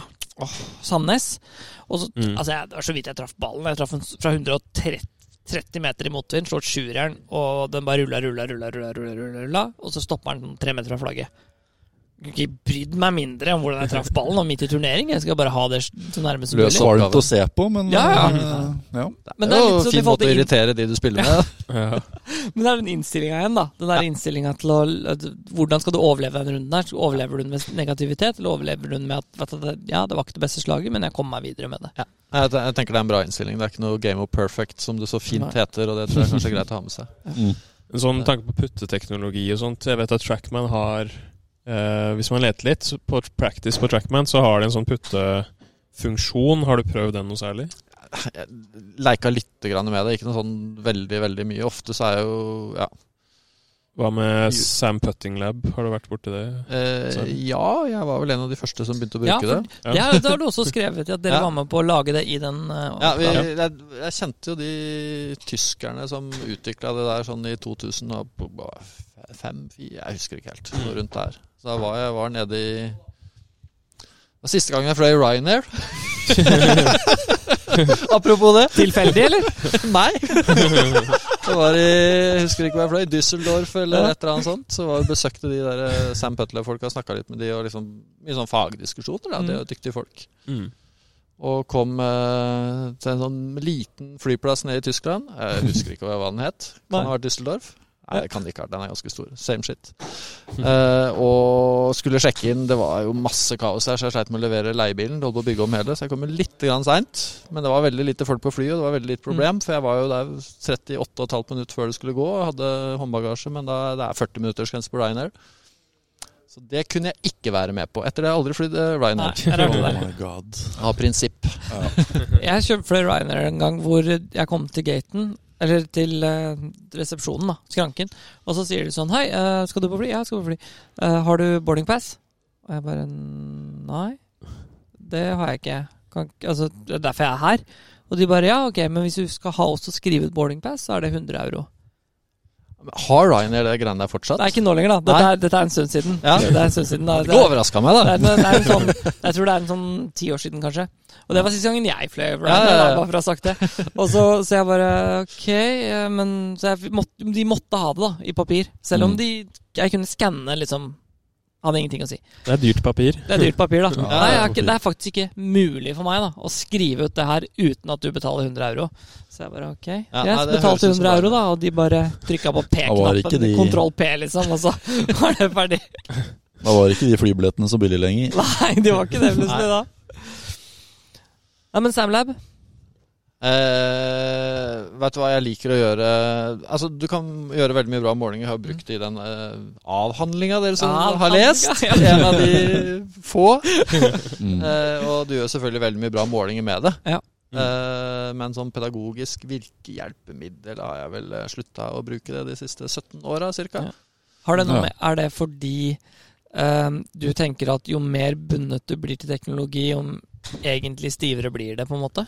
Nei, ikke nødvendig. Teknologi kan være kjempebra, det. Ja. Og Trackman og det er masse som er bra. Mm. Uh, men jeg tenker at teknikk er jo ikke så viktig som det mange tror. Ja, for det har du også sagt, at det er en veldig mye mindre Mm. Ja. del av det. I hvert fall variansen Og- av lengdetrening enn Og det å liksom grave seg ned i teknikk Sagt litt sånn enkelt, da. Hvis jeg jobber med en spiller, og det er et eller annet han gjør som ikke jeg klarer å se med et videokamera eller blått øye, så er det så detaljert at jeg tror kanskje ikke vi trenger å jobbe på det. Så deilig å høre noen si høyt. Mm. Sånn sagt Redselen er for at folk skal bli for opphengt i tall, f.eks. på Trackman eller på Ja, altså, Sam Putting Tall er ikke nødvendigvis farlig, om man, men det kan ja. være at man jobber på detaljer som er så små at du liksom Ja. mister det store bildet. Ja. Da begynner å Liksom snakke om de at dimplene sporet til Bryson DeChambeau, kanskje. To grader inside out når vi burde helst hatt Ja. én, liksom. Det er ikke der, vi, det er ikke der slaget står. Det er litt funny da, at han bruker så mye tid på de tingene der. Jeg har hatt en tendens til å si litt det, og jeg beklager for det mot Skjølberg, men han har vært veldig god på På liksom det trickshot-greiene, da, Mathias Ja. Kjølberg. Og så er det sånn hvis du prøver å bli proff og har brukt så mye tid på trickshots, om du hadde brukt den tida på å trene strukturert for å bli god i noe, eller på Mm. dimplene, da, sånn som Bryson gjør, Mm. så kan man, du hadde henta inn mer edge mot de andre spillerne enn du henter inn på den jævla dimperen på den kula, når du liksom står og sjekker den på Ja, det, er liksom, det er noe med golf da, at du kan Altså Selv om du er heltidsspillere og Mm. har masse bra folk rundt deg, du kan ikke kontrollere absolutt alle faktorer ned i minste detalj. Da Nei. blir du koko. Og så er det en grense Mm. hvor langt man kan gå, selvfølgelig. Noen går litt lenger enn andre, og det er fair enough, men et eller annet sted bør man sette grensa, da. Mm. Ja. Her tenker jeg kanskje at uh, om det var én eller to grader inside out, så er det f er ikke der slaget står. Nei. Uh, på et putting stroke, kall det det. Mm. Da er det kanskje andre ting som er viktigere. Står og jobber på det, og så Ja. putter du to meter kort inn i motvind fra ti meter. Men det er veldig få ting som jeg liksom i løpet av de eh, Nå har jeg spilt golf et par og 20 år, uh, som jeg liksom har tenkt sånn Shit, det der, det kommer til å gjøre en forskjell. Um, og det var faktisk den intro, den teoridelen i den eh, oppgaven din. Altså. Mm. Den gjorde det veldig sånn Fordi det, ofte, Man sier jo det ofte at eh, komikere er morsomme fordi man sier ting vi alle tenker, men ikke tør å si høyt. Og det er litt det samme som det du skriver. da Det der at eh, vi, vi de tingene vi prøver å kontrollere, er ofte ting vi kanskje ikke trenger å kontrollere. Og de tingene vi kanskje bør fokusere på, er ting som vi bruker for lite tid på. Um, samme som de sier at Rory og DJ sier at de bruker Hva er det de bruker? 70 av eh, treningstida si på under 150 yards. Ja, kan være mulig. Ikke sant? Mm. Og det, fordi det er liksom det er der flesteparten av slaga er. da Mm. Så sånn som du sier at det er teknikk er 34% av variansen på lengdetrening, og 60% er greenlesing. Hvorfor bruker vi da Jeg er i hvert fall en som har brukt veldig mye tid på stroke og på um, ballstart. Mens Men du har stått lite ute i sandstormen i Oman. Men jeg har brukt veldig lite tid på greenlesing òg, da. Ja. Ikke sant? Og jeg merker jo det at bare det, den tida jeg har brukt på greenlesing etter at jeg har begynt mainpoint, som er mye mindre enn det jeg burde, så har jeg blitt en mye bedre putter. Ja. Automatisk, nesten. For putting er jo så mye selvtillit. Hvis du klarer å få inn det, så ja. Og så kan du kanskje, eh, en del som gjør det du gjør der, kan i tillegg oppleve at faktisk teknikk og ballstart blir bedre når du ikke fokuserte så veldig Ja. mye på det. Mm. Ja, er, jo, diskuterte bilen. det er jo strengt tatt Det er jo ikke det mest kompliserte som blir gjort i sport, å, flytte en putte litt fram og tilbake. Når Hvis du Nei. ser på turn, f.eks., så er det mer komplisert, tenker jeg, da. Ja. Mm. Nei, men jeg anbefaler mange, faktisk. Jeg, jeg, jeg tror ikke du, du kommer til å selge mye av den doktorgradavhandlingen. Ikke noe vil- men- kommersielt produkt, tror jeg. Men det ligger jo veldig mye Ja. bra der. Ekstremt mye bra der som jeg tror kanskje at ikke så mange vil få så mye ut av den forskningsdelen av det. Men teorigrunnlaget, det vil jeg lest. Ja, ja da, det, Det er liksom er en del lesbart, og så kanskje du skipper eh, liksom uh, Standard deviation og metodedelen Ja. i appendix C. Så kan man lese, lese litt. Grann. Det, er, det, er, lesbart, altså. Det er ikke, Ja, jeg syns det var all... ikke Vi he- helt ubrukelig. Nei, aldeles ikke. Jeg fikk en liten eye-opener på i hvert fall teoridelen. Syns jeg var veldig, veldig veldig bra. mm. Veldig interessant. Det er ikke så mange som har skrevet det heller. Nei. Hvem vant tippekonkurransen dere er ute? Nei, Det er han der idioten der borte, da. Tre, tre av tre. gang- tre av tre, faktisk. Men, det, men sist gang han slo meg tre av tre Nei, jeg skal ikke begynne på det. Det er lenge siden. Sist gang jeg chippa, var i fjor høst. da så. Ja, det var meg òg, da. Ja. Ikke spilt uh, Nei, nesten. Du har jo spilt simulator hele har vinter. det har jeg gjort. men jeg har ikke Mm. kippa så mye. Det, jeg driver og skal lage eh, Målet er å få lagd eh, Trackman-studio inne hos meg hjemme. Ah, Jeg ja, flytta på gård, jeg, jeg og samboeren min. Ja, nydelig. Så målet er å lage Vi har 70 kvadrat cirka, da. Ja. Som jeg skal prøve å få bygd. Må bare få lov av kommunen først. Ja. Så blir det putting eh, og treningsstudio og Trackman. Det høres ut som en bra plan. Mm. Det blir ikke like fett som det der, men uh, Nei, men du kan gjøre mye fint på 70 kvadrat. Det kan du. Problemet er bare at Trackman tar ca. 30. Ja, ja, men du kan jo ha en flyttbar løsning der. Du kan bare Ja, bygge en puttinggrin og sette den oppå. Så kan ha, du løfte den til sida, eller du kan gjøre Ja, det skal masse bli kombiløsninger. Ja, det er ikke tull. Mm. Så er eh, Må passe på å ikke annonsere det for høyt, for det har jeg jo ikke gjort. Ganske, ganske rolig og forsiktig, egentlig. Ja, ja. I hvert fall ikke si det på en podkast. Hvis, de hvis de 15 stykkene som de bor i dette land, delen av landet en gang Det var ganske morsomt, det har jeg fortalt før om. Vi sto og spilte Mæland i fjor, så sto jeg og skulle slå et slag. Og så var det en av lytterne som sto som forecaddy på turneringen. Ja. Jeg kjente ikke han, men han kjente meg. Ja. Det syns jeg var litt gøy. Da han bare begynte å kommentere at jeg burde vært mer over den andre fairwayen og sånn. Det var veldig morsomt. Han ble starstruck og sånn. Ja, skikkelig starstruck. Å, kom Einar. Hvem av de spillerne du har nå i kall gjerne stallen din, da, om vi kan bruke det på den måten, uh, ser du for deg at som vi ikke kanskje kjenner til, vil vi kjenne til om fem år? Åh, Nei, det var hører de på den her, så er det no pressure altså. pressure på den. da. Jeg tror kanskje det går greit. Nei, jeg har akkurat begynt med en fransk spiller som ikke jeg heller kjente så veldig mye til. Som de i Frankrike mener er ganske bra. Ja. Det som heter Tom Vaillant. Ok. Gammel er han? Ja, han er vel en 21-ish. Ja. Så Han var amatør, men så vant han et par alpstur og fikk seg et CT-kort og begynner nå om et par uker. Ja. Spilte et par alpstur som amatør og tok to på rappen, tror jeg. Oi. Så de Er franske det- er det- mener er det- han er bra. Er det liksom midt Sør-Europa av eh, Nordic, Nordic League? League, ja. måte? Ja. Ja. Mm. Ja, det er egentlig samme, faktisk. Topp Mm. fem. eh, Han tok vel topp fem på noe wildcard der. Ja. Han tok, tok, Nordic League, kaller det det, da. tok han topp top Mm. fem på wildcard? Nei, altså Han fikk noen invites, og så spilte Jeg vet ikke helt hva han gjorde. Men de franske mener han er bra, så vi begynte så Mm. vidt her nå i Midtøsten. jeg kjenner han egentlig ikke så godt, men jeg tror kanskje han er en bra plan. Ja, det her er herlig, altså. Jeg liker Det er mye tro her nå akkurat nå. Ja, det er veldig mye tro. Jeg har akkurat begynt å jobbe med den. Jeg kjenner den ikke spesielt godt, men jeg tror eh, ryktene sier at den skal ha veldig bra. Ryktene sier at den skal ha veldig bra. Det er spennende. Kult. Franskmennene har jo klart å rekruttere et par gode opp gjennom årene. Så det, Frankrike føler jeg har vært en sånn nasjon som på en måte aldri får noen sånn superstar, men det er veldig mange sånn Mm. jevnt bra. mm. Ja. Så det er mange. Mm. Mange, på har liksom mange aldri på hatt den der, liksom. eh, virkelig store stjerna, egentlig. Mm. Har du jobba noe med Hovland? Nei, altså, jeg, sånn han var amatør i Norge. Altså, Ja. Hatt et par økter, sikkert. Nei, jeg, nei, jeg har ikke jobba blir interessant å se nå, for nå har han jo vært en litt sånn jeg, ikke vært, jeg skal ikke være en av de som sier at han har hatt en dårlig periode, Fordi det, det kan man ikke si når du er tidenes beste nordmann selv siste året om han har spilt dårlig, liksom. Men det er interessant å se, fordi dette er jo en av de første periodene i karrieren hans, virker det som, da.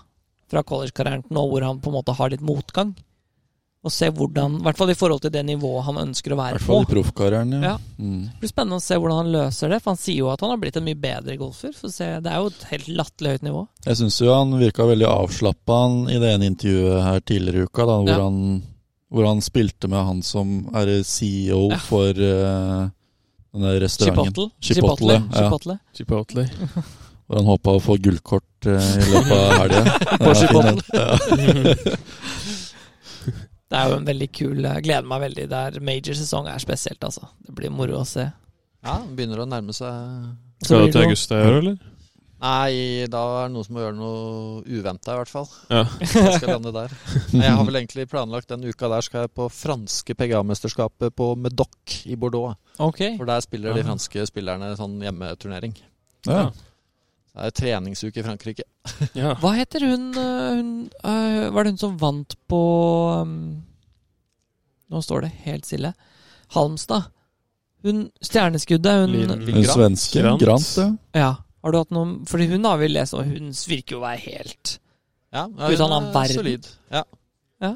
Så, nei, jeg har ikke Altså, det er sånn Hatt en og annen annen ja, liksom sånn Ja. via forbund på noe samling, men ikke Ja. noe Nei, ikke noe Hun sånn ser ut som en. For hun var college-spiller for to år siden, eller noe sånt, og så har hun bare hoppa ut på Ja, det var vel ca. to år siden. Så Ja. hun hoppa ut og vunnet veldig mye. Hun fikk vel et LPGA-kort, men reiste vel ikke pga. vaksinene.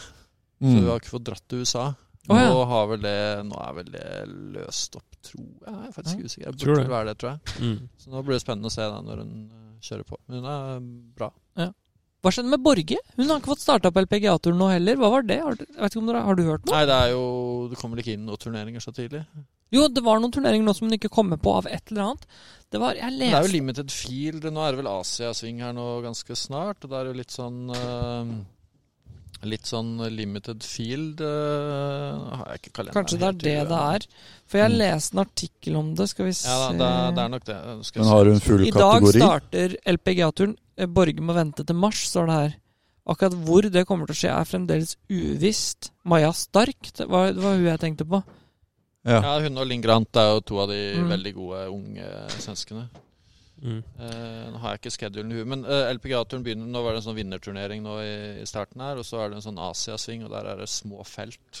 Ja. Mm. Der kommer man ofte ikke med. Og så begynner en sånn vanlig sesong begynner vel ute i mars, kan Ja, det stemme? For det står, Sånn det står i løpet av de neste to ukene skal LPGA avgjøre om turneringen skal da spilles.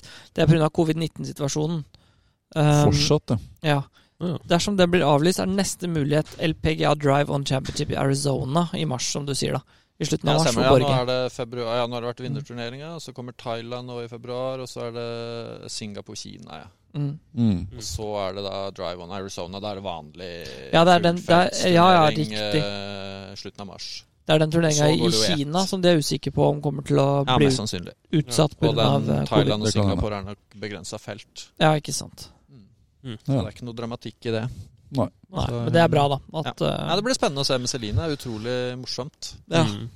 Så er jo Ja, hun imponerer veldig. Jeg må jo være en av de mest hardtarbeidende, eller er den mest hardtarbeidende golferen i Norge, tror jeg. Så trener og trener, og det er golf hele veien. Og ja, det er, alt av turneringer. Og er utrolig kult. Mm. det er kult Spennende å se når hun tar et steg nå. Altså. Har du trent noe med henne, eller? Altså, som mange, nei, ikke sånn kjempemye. Det var Nei. litt sånn her og der. Mm. Litt sånn forbundsting og tang. Så har man vært litt borti mange, men ikke noe Ja. sånn masse, nei. Nei. Men sånn når du er på sånne forbundssamlinger, da, legger du merke til hvordan folk trener? Fordi det, noen gjør jo veldig bra, da. Ja. så- Altså, det var jo norske forbundet, så drev, hadde jeg jo litt sånn ansvar for Team Norway og litt satsing der i året. 2014 til 2018 eller sånn. Så da hadde jeg bra kontroll på hva de norske gjorde, og så var jeg jo litt involvert i noen sånn, Mm. sånn personlig, kall det det, da. Mm. Og så var det mer overordna. Så du får jo med deg ganske mye hva som skjer.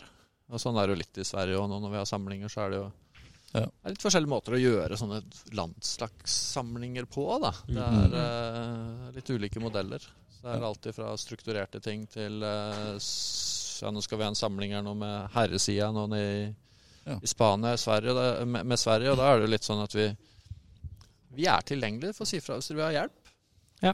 Mm. Mens det kanskje drar vi på damesida i Sverige, så er det mer sånn strukturert. Tide står jeg liksom putting 8-9 med den, 9-10, Ja. 10-11 Mm. to- to- to- to- to- Alt er strukturert Ja. Det er mange, veldig mange ulike måter å organisere sånne treningssamlinger på. Da. Ja. Mm. Eh, ja. Det er litt interessant, det òg. Ja. Mm. Alt ifra helt fritt åpent til Sverige så er det to helt forskjellige modeller på dame- og herresida, faktisk. Ja. Men jeg tenker generelt i Norge, så det er jo mange Man ser jo det ofte at uh, en av de største utfordringene som vi har hatt før, og det er jo den utfordringen jeg føler at norsk golf generelt har nå, er jo det der å beholde de spillerne som starter. Ikke sant? Vi, vi har en Mm. tendens til å se det at hvis du kommer under 18 handikap, så spill, fortsetter du. Uansett hva. De som slipper ofte, er de som har mellom er det 24 og 18 handikap, fordi de kanskje stopper litt, og så klarer de ikke helt å komme seg videre, og så, for da må man trene mer, da. Mm. Det er en tro på det også, at man må trene så mye. Men man trenger jo ikke nødvendigvis trene mye hvis man klarer jo, jeg, jeg tror det, da. At jo tidligere du klarer å bli litt strukturert med hvordan du setter opp treninga di Ja. Trenger ikke å trene 14 timer i uka, liksom, men litt strukturert og kanskje liksom Og da- litt mer fokusert. Og nå tenker du litt på alle, kall det vanlige golfere? Ja, jeg gjør det. Jeg Mm. tenker sånn Mm. Jeg har noen kompiser av meg som er eh, noen juniorer, da. Som er sånn sier de har sånn rundt 11-12 handikap, da. Skal de bli bedre, så er jo den største greia at det er jo ikke et problem at de ikke har lyst til å trene, men det er liksom hvordan de trener. Mm. Og det ser jeg jo helt ned på det jeg gjør òg. At uh, største utfordringen Eller liksom har i hvert fall Jeg har prøvd å være mer fokusert på noen ting når jeg trener, så jeg kan trene én time kjempestrukturert istedenfor kanskje å stå og bare banke baller i tre timer, da. Ja. Og det tenker jeg at mange har å tjene på uansett nivå.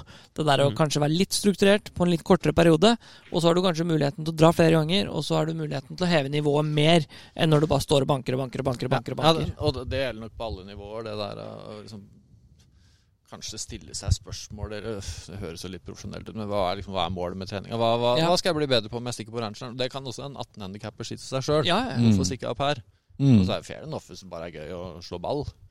Mm. Men kanskje man har en liten plan om at man skal rette opp en slice, eller det er et eller annet, så, så går det litt fortere, da. Mm. Ja. Mm. Det gjør jo det. Det skal ikke mye til. Det er jo sånn uh, jeg, jeg slår en bare, bare sånn cirka hvor du har lyst til å sikte. Mm. Eller hvor langt du har lyst til å slå. Ja. Ikke sant? Altså Bare sånn bruke lengre tid, ikke bare stå som en sånn der Sånn som du ser de gutta Julevisp. på julevisp, liksom. Som bare står der og slår ballen ut, liksom. Det tror jeg vil det, det er vel kanskje en, ting jeg ser for meg at kunne hjulpet mange, da. Men det er nok veldig mange som syns det er vanskelig å vite hva Ja. Så vi går og slår noen ball. Altså, det i seg sjøl er fint, det. Mm. Uh, men det, du kan få mer framgang hvis man har en plan. Det er vanskelig for folk å vite. Spill med noen som er bedre enn seg. Det er bra i mange sporter, det. Mm. Det er definitivt. Men det er veldig lett å stikke meg. Altså, jeg merker jo sjøl òg, sånn egen golf stikker jeg opp Jeg er jo like korka som alle andre, liksom. Det er jo helt ubrukelig. Du bare 'Jeg er så strukturert i jobben min at jeg orker ikke'. Ja, det er ikke bra i det hele tatt. Men det kan stikke opp på en driving her, så kan jeg stå og slå noe seksjern, og så slo jeg kanskje tre som var bra. Så tenkte jeg, hva skal jeg gjøre nå? Jeg kan se om jeg kan slå det 15 meter lengre. så mister du svingen med en gang. altså, hva er poenget, liksom? Jeg har slått tre retter, liksom. Hva, skal jeg trene på nå? Jeg har gjort mye korka. Jeg har gjort alle, alle dumme feil. Som du sier at alle ikke skal gjøre. Ja, ja, ja, jeg kan alle sjøl. Må lære det sjøl. Du vil si say, not to say do, ja. Det er vel der det ligger. Ja, nei, nei, men det er noe med å kose seg litt med golf. Det, det blir Ja, det sånn skal man så klart også gjøre, da. Når du går rundt med folk som er 100 ganger bedre enn deg daglig hele tida, så blir det liksom Det er gøy å leke litt med ball og litt med familien og unger og Ja, For det er du også ganske flink til å leke med andre typer greier. Sett deg litt med frisbeegolf og sett Ja, litt det er forskjellige greier. Ja, men det er jo, sport det er jo drittkult. Jeg har blitt litt Mm. hekta på padel òg nå. Ja. Åh, Ja, det er så gøy, det. så gøy. Men jeg må si Jeg jeg skal se om jeg finner det her, fordi det her ehm, Det er bare fordi jeg syns det var ufattelig festlig at du skrev i den eh, introdelen her. Da må jeg jo finne den tilbake igjen, da. Der har vi den. Det var Det var sånn Jeg jeg har ikke skrevet noe doktorgrad, jeg har skrevet en mastergrad, da. Men, men det var bare når du skriver her, så skriver du eh, Var det litt sånn sjølskryt der? Litt, Litt snikskryt. Ja. Han skrev til oss, da. Fikk A, faktisk. Du har faktisk klart å kaste inn to utropstegn i den introduksjonen. Jeg vet ikke om du husker det? Ja, Var det noe med han der Johnny i det, eller? Nei, nei, nei. Um, du har lagt med Vet ikke om du, du husker det. Det er 13 år siden han skrev den. Det er jo morsomt, da. Han, har, To han, har, utropstegn, liksom. han har lagt ved en mailkorrespondanse i introen. Ok. Ja, ja, ja jeg husker Og så står det I love competition. I love searching for the ultimate performance, and I love golf! Med to utropstegn. oh, ja. Har jeg skrevet det? Ja. Yes. Ja, ja, det, ja, ja, det Og så har du lagt ved to sånne mailkorrespondanser. Det, så liksom, det ser liksom Det er bare fordi jeg syns det er morsomt, da. Så står det liksom Han har vært din main supervisor, og så står det These two emails could help underline how much he has helped me. Og så er det to e- e-poster.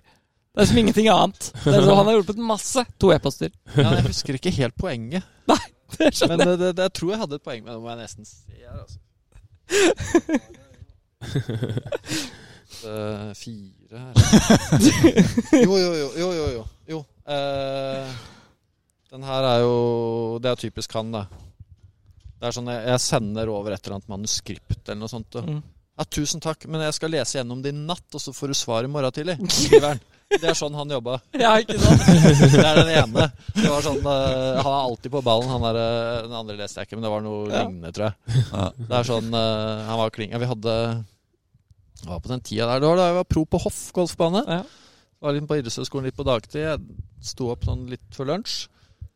Eh, og så herja litt der oppe, og så var han ned på Hoff og jobbe litt. Og så var det opp der, og da var han Han var alltid veldig keen på å kjøre nattpasset. Det var da vi gjorde sånn forskning. Det var sånn fra 11 til 2 på laben der oppe. Da drev vi og leika litt. Så Fra 11 til han- 2 på 11 til natta? ja. Nattpasset, ja. Oh. Wow. Da drev vi og testa litt og herja litt og leika litt. Da. Mm. Så han, eh, han var klin gæren, han eh, professoren. På en positiv måte, da. vi, det var litt sånn tester og ideer og sånt. Liksom. Da kunne vi holde på litt utover natta. Da. Mm. Nattpasset. Ja, 11 til 2, ja. Det er seigt, da. Det er Så, men det var typisk han. det liksom Sender du noe sånn manuskript Ja, men jeg leser gjennom i natt, jeg, så har Ja. du det i morgen tidlig. Søvn er er ikke så viktig, liksom. Søvn er ikke så viktig. Det er ikke sånn du får fra kommunen når du sender Nei. søknad. Liksom. Jeg skjønner ikke hva du mener. Leser om tre måneder. Ferdig. Ja. tror kanskje vi skal runde av litt der, jeg. Det har vært eh, skikkelig hyggelig å sitte og snakke litt med deg. Det er jo veldig kult å høre med noen som kan såpass mye om ting vi syns er kult.